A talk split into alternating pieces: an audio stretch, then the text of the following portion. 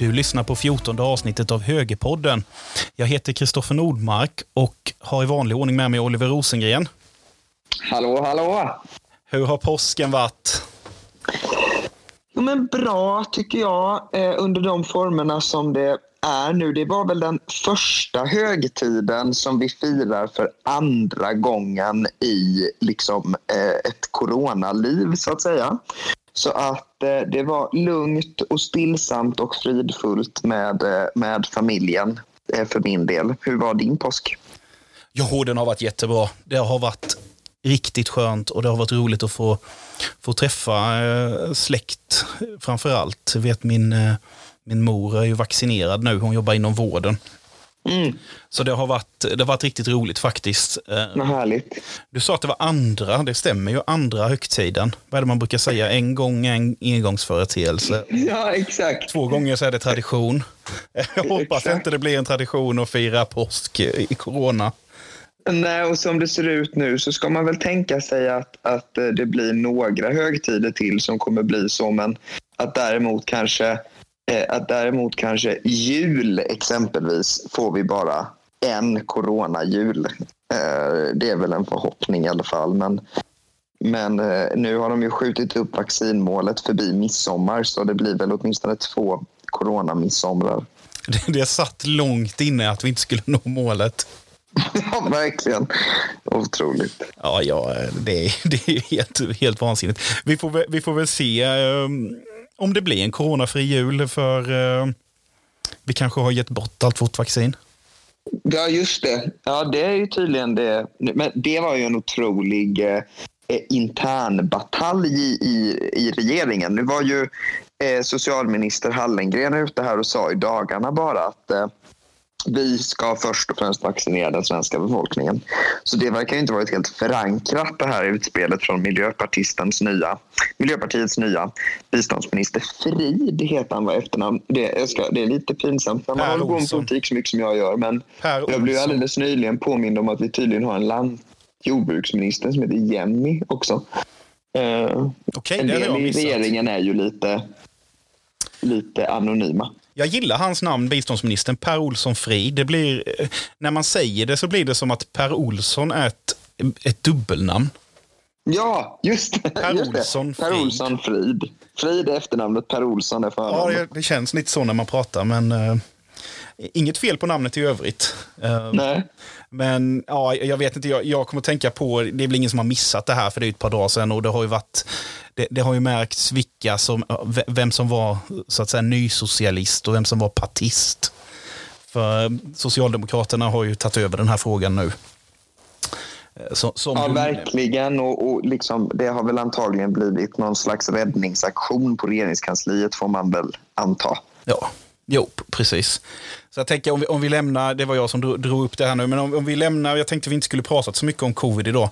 Så om vi lämnar det och så går vi tillbaka till vad vi pratade om innan Oliver.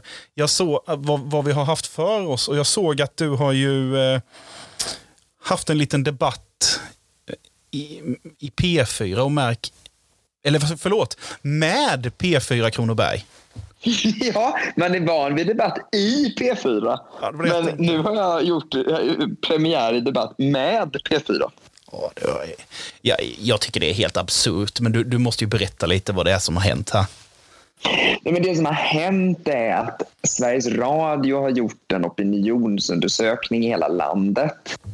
Eh, som P4 publicerade då. Och de har, verkar ha publicerat den här i alla län för det är jättemånga som har hört av sig till mig med printscreens på sina lokala P4-kanaler. Och det som, det som då var eh, liksom P4s case eller deras inlägg var så här eh, vill, eh, eh, är du, jag, ska, jag kan läsa det faktiskt rakt upp och ner här. För att det är ju, det är ju faktiskt ett häpnadsväckande inlägg. Så texten är höjd skatt för att beta av vårdskulden under pandemin. Hur ser du på det? Och då så skrev jag bara så där eftersom höjd skatt leder till färre jobb därmed lägre skatteintäkter över tid blir det kontraproduktivt. Dessutom har vi redan hög skatt så det finns resurser att prioritera med. Regionskatten slår relativt hårdast mot personer med små inkomster så det är mycket dåligt att höja kommun och eller regionskatterna. Det viktigaste för att stärka offentliga finanser efter krisen är att pressa tillbaka arbetslösheten. Den här kommentaren har då fått 65 likes, vilket är ungefär lika många som själva inlägget har fått. Sen är det då en diskussion med 51 kommentarer. I huvudsak då mellan mig och P4. Eh, och det är jättemånga fler som har kommenterat på temat eh, Vad håller ni på med? Eh, alltid, ja, det, är, det, det är många som, som ställer eh, irriterade frågor om vad det är för typ av inlägg. Men jag har då i alla fall i det här kommentarsfältet mer eller mindre en debatt med P4 om vad det här är för typ av fråga, varför de har ställt den som de har ställt den och de debatterar tillbaka. Ja, alltså det här, för jag, jag kommer dela det här både i eh poddens information och i sociala medier länken till det här inlägget. För det är, det är helt magiskt, eh, tycker jag. Och, och jag gillar deras första svar här med. Vad säger du Oliver Rosengren om vår undersökning om att drygt 60 procent av kronobergarna kan tänka sig att betala mer i skatt för att beta av vårdskulder som uppstått i och med pandemin. I alla fall tillfälligt, detta enligt opinionsundersökning som Novus gjort på uppdrag av Sveriges Radio. Och Nej. bläddrar man ner sen då så ser man att andra har skrivit att det är intressant att alla regioner får precis samma resultat. Mm. så det... Nej men det är så fascinerande här. Det, jag, jag bad ju dem berätta vad, de hade, vad det var för fråga. Alltså vad är det för fråga de har ställt? Liksom? Det är en statshemlighet. Och det då har de eh, berättade de då till slut vad det var för fråga. Och de har liksom ställt frågan på ett sätt som om höjd skatt skulle hjälpa.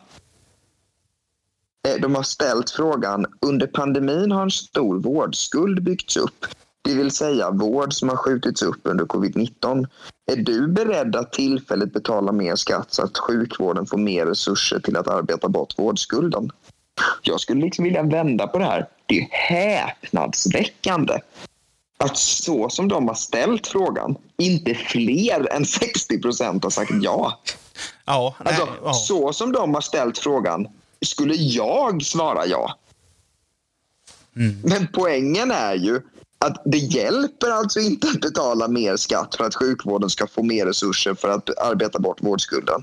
För det första leder inte tvunget höjd skatt i förlängningen till, till, till, till den ökningen av resurser. För det andra är det inte resursbrist som är det som gör att vi kommer få tufft med vårdskulden. Eh, så att det, är liksom, det, är en, det, är en, det är en felaktig fråga från början. Eh, men det är häpnadsväckande att få har sagt ja när det är så här. Vill du att man ska få vård, då måste man betala högre skatt. Vill du göra det? Och folk bara, nej. Precis så. Alltså jag, jag tycker du är för snäll nästan när du säger att, att det skulle kunna vara ett alternativ att höja skatten. Jag tycker nästan att frågan är ställd som att det är det enda alternativet. Vill ja. vi beta av vårdskulden så måste vi höja skatten. Jag, jag kanske läser in för mycket, men de undertonerna får jag i ja. hur, hur de har, har, har skrivit ut i alla fall. Jag håller verkligen med. Och nu undrar man ju bara när det kommer nya frågor och inlägg om sänkt skatt eller eh, man så hade kunnat byta ut här bara och fråga till exempel eh, eh, är du beredd att öppna för fler privata alternativ så att sjukvården kan arbeta bort vårdskulden? Det hade ju varit en fråga man hade kunnat ställa då. Eh, man, och man bör rimligen nu då också göra en rad olika inlägg om hur skattehöjningar påverkar samhällsekonomin så att folk kan svara på den här frågan på ett informerat sätt. För det måste ju vara public service uppgift. Ja, men de ställer det så barnsligt med enkelt. För man, skulle man vända på det så, så blir det ju, någon, skulle man ju kunna säga att tycker du att regionerna ska lösa vårdskulden utan att höja skatten? Mm. Ja, absolut. Och sen kanske det är då 40 procent som svarar nej för de vet att det skulle få, man skulle ta från någonting annat så att säga. Eh. Skärpning Sveriges Radio. Men det är roligt att det blev en otrolig diskussion här i alla fall. Eh, det, det, skattediskussioner har vi ju för sällan och det är uppenbart att folk blir rätt upprörda på den här frågeställningen. Jag tycker det bästa var eh, P4 Södertälje de har frågat en kille som heter Gabriel. Han ser ut att vara typ 20-25 år. Eh, så här, vad tycker du om detta? Då svarar Gabriel. Man får prioritera. Nej, han svarar. Vi, vi betalar redan för mycket skatt. Man får planera annorlunda. Ja, Jag är team Gabriel. jag också. Södertäljebon Gabriel Jos- Josef, Gabriel Josef, eller Josef, tycker redan skatten är för hög. Bra Kung Gabriel. Gabriel. Om du lyssnar på oss här, hör av dig så, så får du en autograf av Oliver. ja, men han är ju kung, det är uppenbart. Jag vill ha hans autograf. Ja, ja faktiskt. Eh, Okej, vi, vi gör om då. Gabriel, om du lyssnar på det här, hör av dig så ska vi ta emot dina autografer. Det, det tycker jag blir bra. Det, jag vill också ha det.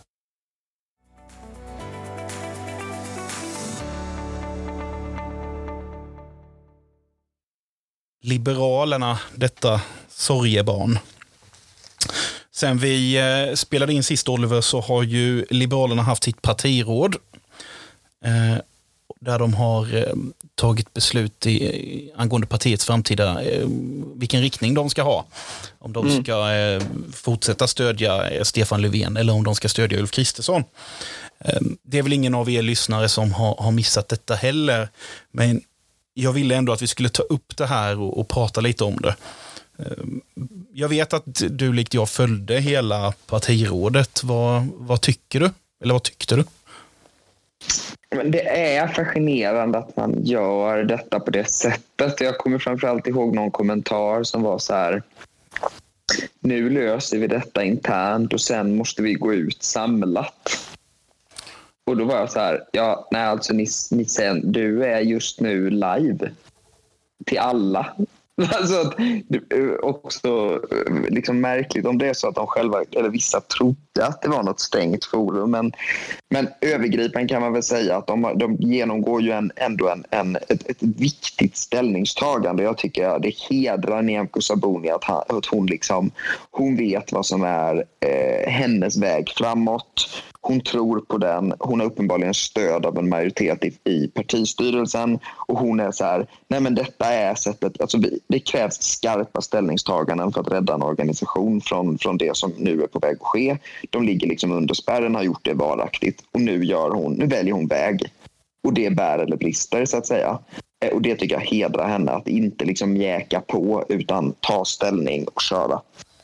Jag, jag tycker likadant. Det är, det är en väldigt, väldigt viktig markering för att man visar ju någonstans, även om, även om man inte har kommit fram till hur riktigt ett alternativ för ett regeringsstyre skulle se ut. Man har egentligen tagit beslut i några sakfrågor överhuvudtaget. Men man har ändå visat att man fortfarande vill vara en del av högen och inte ett stödhjul till, till vänsterpartierna.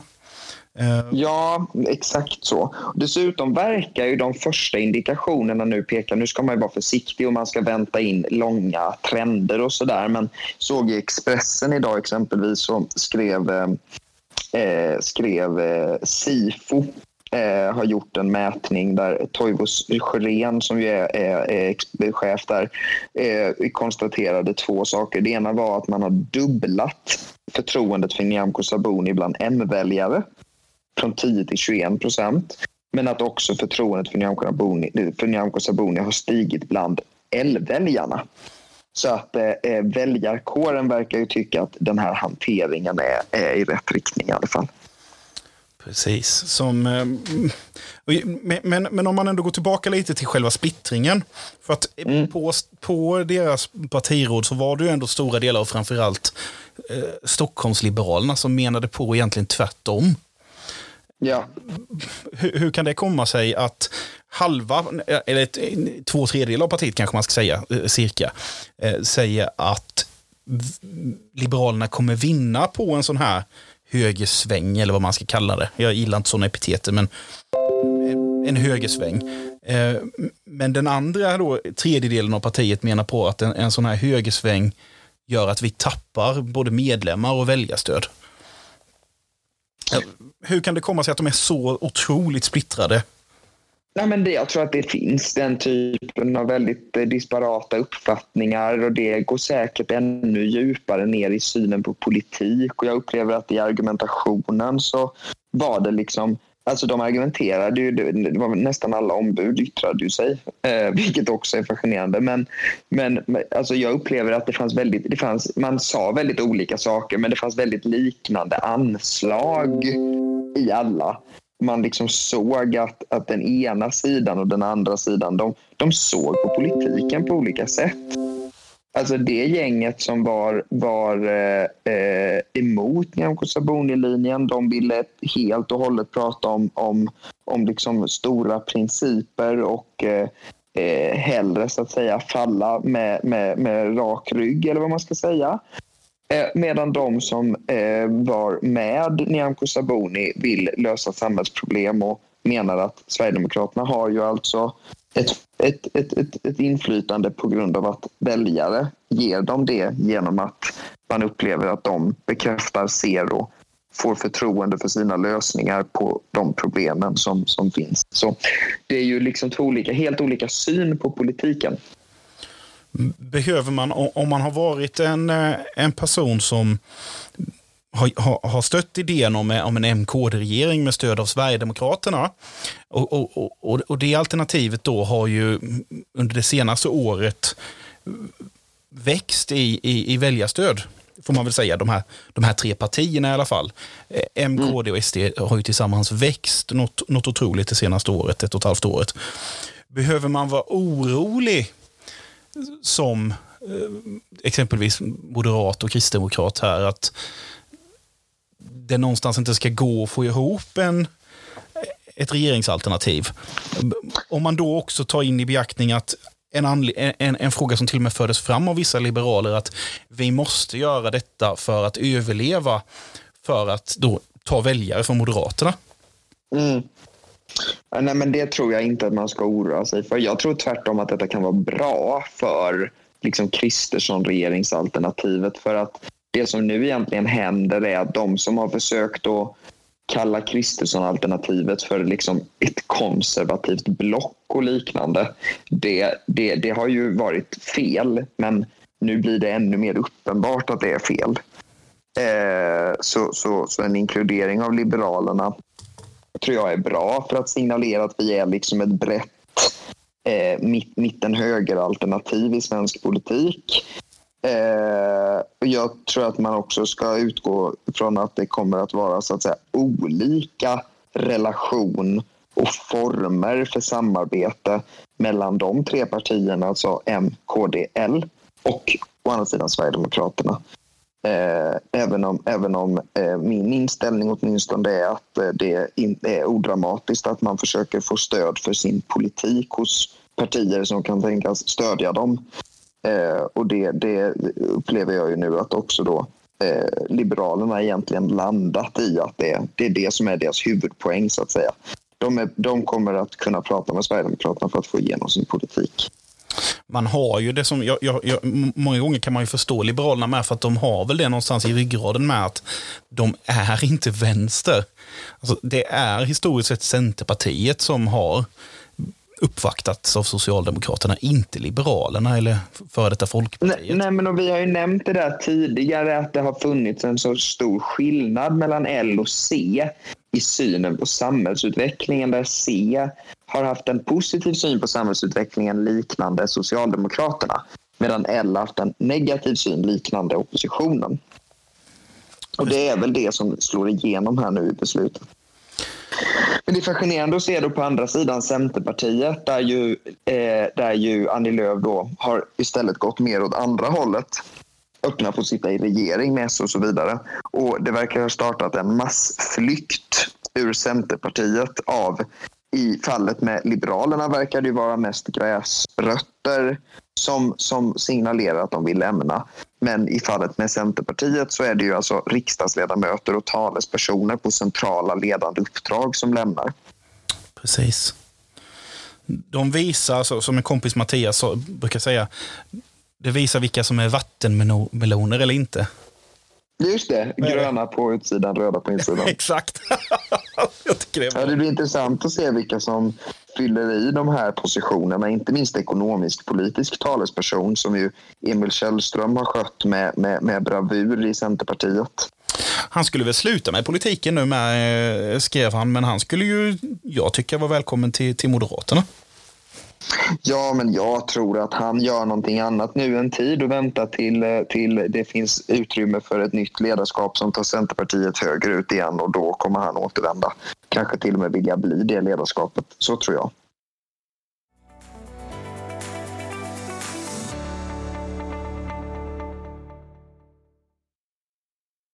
Vi började ju avsnittet med, med skatt, så att var, varför inte avsluta det med, med, med, skatt också, så här i, i deklarationstider. Ehm, jag tänkte, på, i ett av våra tidigare avsnitt så, så pratade vi ju om eh, jobbskatteavdragen. Ja, denna pärla. Du förklarade ju lite skillnad på eh, avdrag och eh, Reduktion, Reduk som jobbskatteavdraget Precis. de facto är. Trots att det heter jobbskatteavdrag så är det ju egentligen en skattereduktion. Så, så var det ja. Så jag tänkte nu, nu när det är deklarationstider så skulle vi bara påminna er alla att titta på er deklaration. Så kommer ni... Ja, idag gick ju Skatteverket dessutom ut med sin bästa nyhet varje år, nämligen att nu börjar snart skatteåterbäringen betalas ut. Så man får gratulera dem som har en skatteåterbäring att se fram emot. Eh, det är ju det bästa Skatteverket gör. Jag tycker alltid det är lika fascinerande att man blir så glad för skatteåterbäringen. För det är så att säga ens egna pengar som man alltså inte blir av med. Och det ska man då fira och vara glad för. Men så är det ju i det här landet. Ja, jag skulle precis säga det. Var, var glad för att man har lånat ut pengarna räntefritt i ett helt år. Exakt. Så. Det är superhärligt. Men eh, det står väl på första sidan, tror jag, va? Eh, kan jag ha rätt? Nu kommer jag inte ihåg riktigt, men, eh, men när ni tittar på er inkomst i alla fall så, så ser ni det står väldigt tydligt jobbskatteavdrag och, och så ser man en summa som är avdragen. Mm, att, det är väldigt bra att det står på det sättet faktiskt. Det att, eh, personligen tycker jag att man borde ha en ännu tydligare deklaration på, på, på, på skattesidan redan på löneutbetalningen av exempelvis att man borde redovisa hela den skatten man faktiskt betalar inklusive arbetsgivaravgift och så vidare. Men, ja, och begravningsavgiften men, det, borde ju också kunna tryckas ut direkt. Just det. Ja, där finns det, där finns det att göra. Men kolla upp ditt jobbskatteavdrag och gläds åt att eh, det lönar sig mer att arbeta sedan, sedan eh, regeringstiden 2006-2014 med Reinfeldt och Borg i spetsen. Det är mycket viktigt. En annan sak man kan passa på att kolla som jag dock inte vill rekommendera att man kollar eh, just eh, om, man vill, vill, om man vill att man ska vilja vara kvar i Svenska kyrkan. Det är ju kyrkskatten. Särskilt så har ju Svenska kyrkan den här dåliga egenheten att lagom till att deklarationen går ut och folk är så här, åh herregud betalar jag så mycket i kyrkskatt? Så har de ju en egenhet att uh, ge sig ut och veva i vänsterpolitikfrågor. Så var det för några år sedan. Eh, lagom till att jag då satte eh, någonting i halsen av min kyrkskatt så var de, eh, jag tror att det var hon Eva Brunne eller vad hon heter i Stockholm som var ute och vevade i någon vänsterfråga och då lämnade jag Svenska kyrkan. Nu då lagom till att deklarationen kom så var ju ärkebiskop Jackelén ute och sa att eh, eh, det var dåligt med att man ska behöva prata svenska för att bli svensk medborgare. Eh, och, eh, och det, så det är säkert en och annan som har övervägt sitt medlemskap eh, mot bakgrund av det. Men jag menar, om de nu ska gå ut med sådana här helt ogenomtänkta eh, uttalanden som jag inte tycker att de överhuvudtaget har med att göra, så kan de ju åtminstone för sin egen skull i alla fall göra det i oktober, tror jag det är. Jag ja, exakt. Då är väl brytpunkten för, jag tror september är brytpunkten. Säger man upp sitt medlemskap efter, efter sista september så, så tar det ett helt år innan man lämnar. Just Eller det. något sånt. Ja, nu, nu kan inte jag exakt i huvudet. Eh, så att, eh, ett tips till er som lyssnar, eh, som sitter på ledande position i Svenska kyrkan. Håll på med skit i oktober istället. För er mm, Exakt. Men det är så märkligt också för argument. Jag fick några mot jag skrev om detta lite kort på Twitter. Något av motargumenten var, men tycker du, tycker du verkligen att man ska höja kraven för, för människor som är på flykt? Och det där är ju, alltså Svenska kyrkan har ju argumenterat gång på gång för att det ligger i deras, liksom, i deras eh, grundsyn att engagera sig för flyktingar. Och jag kan liksom ha respekt för det. Alltså att man som organisation vill engagera sig i, i samhällsfrågor och att man, man, man på olika sätt samlar in pengar och stöttar och hjälper och så vidare. Sen kan man såklart ställa frågor kring opinionsbildningen om man är en religiös organisation som vill samla människor brett och sådär. Men, men det är en helt annan sak. Det får stå för dem. Eh, men det är en så dålig argumentation när man ger sig på språkkrav för medborgarskap. Ja, men... Alltså för medborgarskap och asyl är ju alltså inte samma sak. Jo, men det blir ju så, så otroligt vänsterinriktat när man överhuvudtaget resonerar på det sättet som de gör. För att språkkravet finns ju där för att hjälpa de här individerna. Exakt. Det är, ju, det är ju inte för att straffa dem för att de är invandrare, det är för att hjälpa dem att komma i arbete, att komma in i, i vårt samhälle och kunna försörja sig själva. Exakt. Så att, Precis så. Eh, ja, ja, så du är inte med i Svenska kyrkan då? Nej, jag har tänkt att eh, jag ska återinträda när min stora favorit Thomas Pettersson som är biskop i Visby stift och eh, eh, därmed också biskop för Svenska kyrkan i utlandet. När han då förhoppningsvis någon gång i framtiden blir vald till ärkebiskop då kan jag tänka mig att överväga att återvända som medlem. Men, men, eh, men han verkar liksom vara en mer robust person. Så då, då, då är det väl förhoppningsvis kanske slut på de här eh, liksom ogenomtänkta vänstertendenserna. Eh, ja, han är riktigt grym. Han var väl eh, även ansvarig för hade han inte något mer uppdrag? Vad var det han var innan? Han var, han var... Jo, men han, hade varit, han, han var ju domprost i, i, i, i Växjö stift. Eh, han var ju dessutom kandidat till biskop i i Växjö när det blev eh, Modéus istället. Så, eh, så, eh, men sen blev han ju i Visby och det är ju mitt favoritställe. Så att det är perfekt att han är där. Ja, att han var domprost i Växjö visste jag, men han hade väl något annat uppdrag innan dess? Hade han inte det? Ja, det är möjligt. Um... Men han är bra i alla fall. Jag gillar honom. Men nu då så är han ju... Och det är ju då så att, att Svenska kyrkan i utlandet hänger ju då ihop med Visby stift. Så, att så det, därför är man både och. Så är det, det var nog det jag blandade ihop det med. Ja. Eh, men just det, det hänger ihop med Visby då ja. Mm. Ehm, ja, jag måste jag kommer att tänka på en helt annan sak nu. När du pratar, nu byter jag ämne här mitt i, men du pratade om utlandet har du, och vi pratar om skatter. Har du hört vad eh, Janet Yellen, hon är finansminister i USA, gick ut med några dagar här sedan? Ja, men det flimrade förbi någon eh, global bolag... Något förslag om någon global skatt. Det är fantastiskt. Det är, president Joe Biden vill ju, har ju, har ju, eller vill, han har, han har ju pratat om att han ska höja bolagsskatten. Eh, ja, ganska så rejält och det var väl från 21 procent till, vad var det, 20, 28 procent. Ja, det var i alla fall den största höjningen i modern tid. Jag tror det var från, från 21 procent till 28 procent. Um, och, och, viss kritik som man har fått, då, eller viss kritik, stor, alltså, stor kritik har varit att företagen kommer ju lämna USA. Ja. Um, till, till stor del är man rädd för. Och då tycker Janet Yellen att en global minimiskatt för företag skulle då vara ett bra alternativ. För då finns ju den här skatten i hela, då är, då är det ingen mening att flytta, för då är det ju skatt i hela världen. Alltså det... Nej men det är faktiskt, ursäkta mig, men det är faktiskt helt hål i huvudet. Det, jag, jag, alltså, ja, jag trodde först det var ett aprilskämt. Nej men det är helt obegripligt. Alltså, det, hon, analysen stämmer ju. Alltså bolagsskatten är en av de vanligaste sakerna man pratar om när man diskuterar vad länder kan göra för att påverka sin konkurrenskraft i relation till varandra. Alltså under, under regeringen Reinfeldt så var ju det ett av de starkaste argumenten för bolagsskattesänkningarna som gjordes i Sverige. Eh, man får ju liksom inte ligga för högt jämfört med jämförbara länder vi måste vara konkurrenskraftiga i vår bolagsskatt mot Storbritannien, Tyskland och så vidare. Eh, men det är alltså inte vårt problem att Joe Biden inte har råd med sin politik. Nej.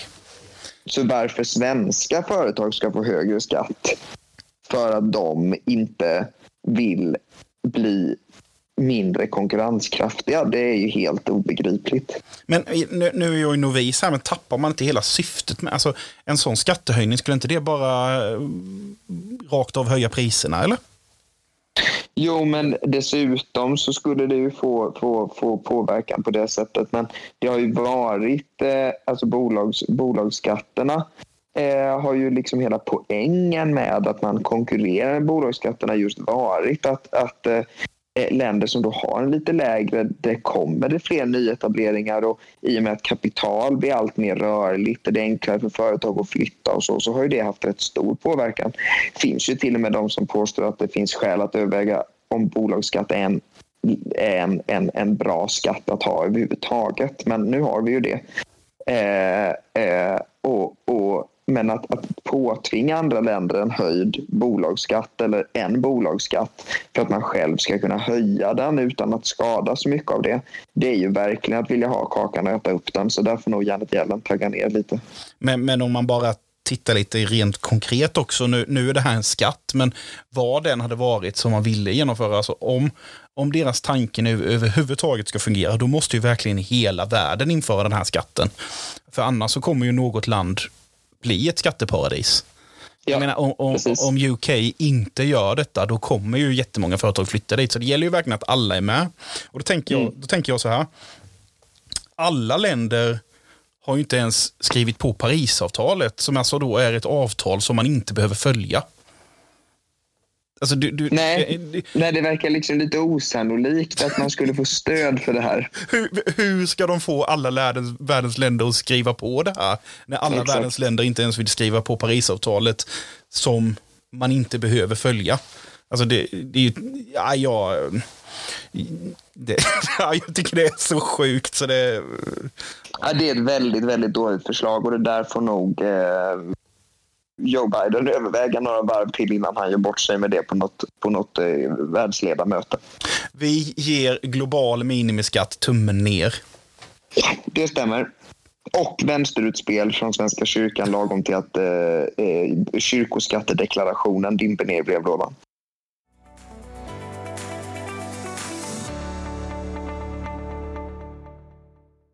Tack för att ni har lyssnat på vårt eh, fjortonde avsnitt av Högerpodden.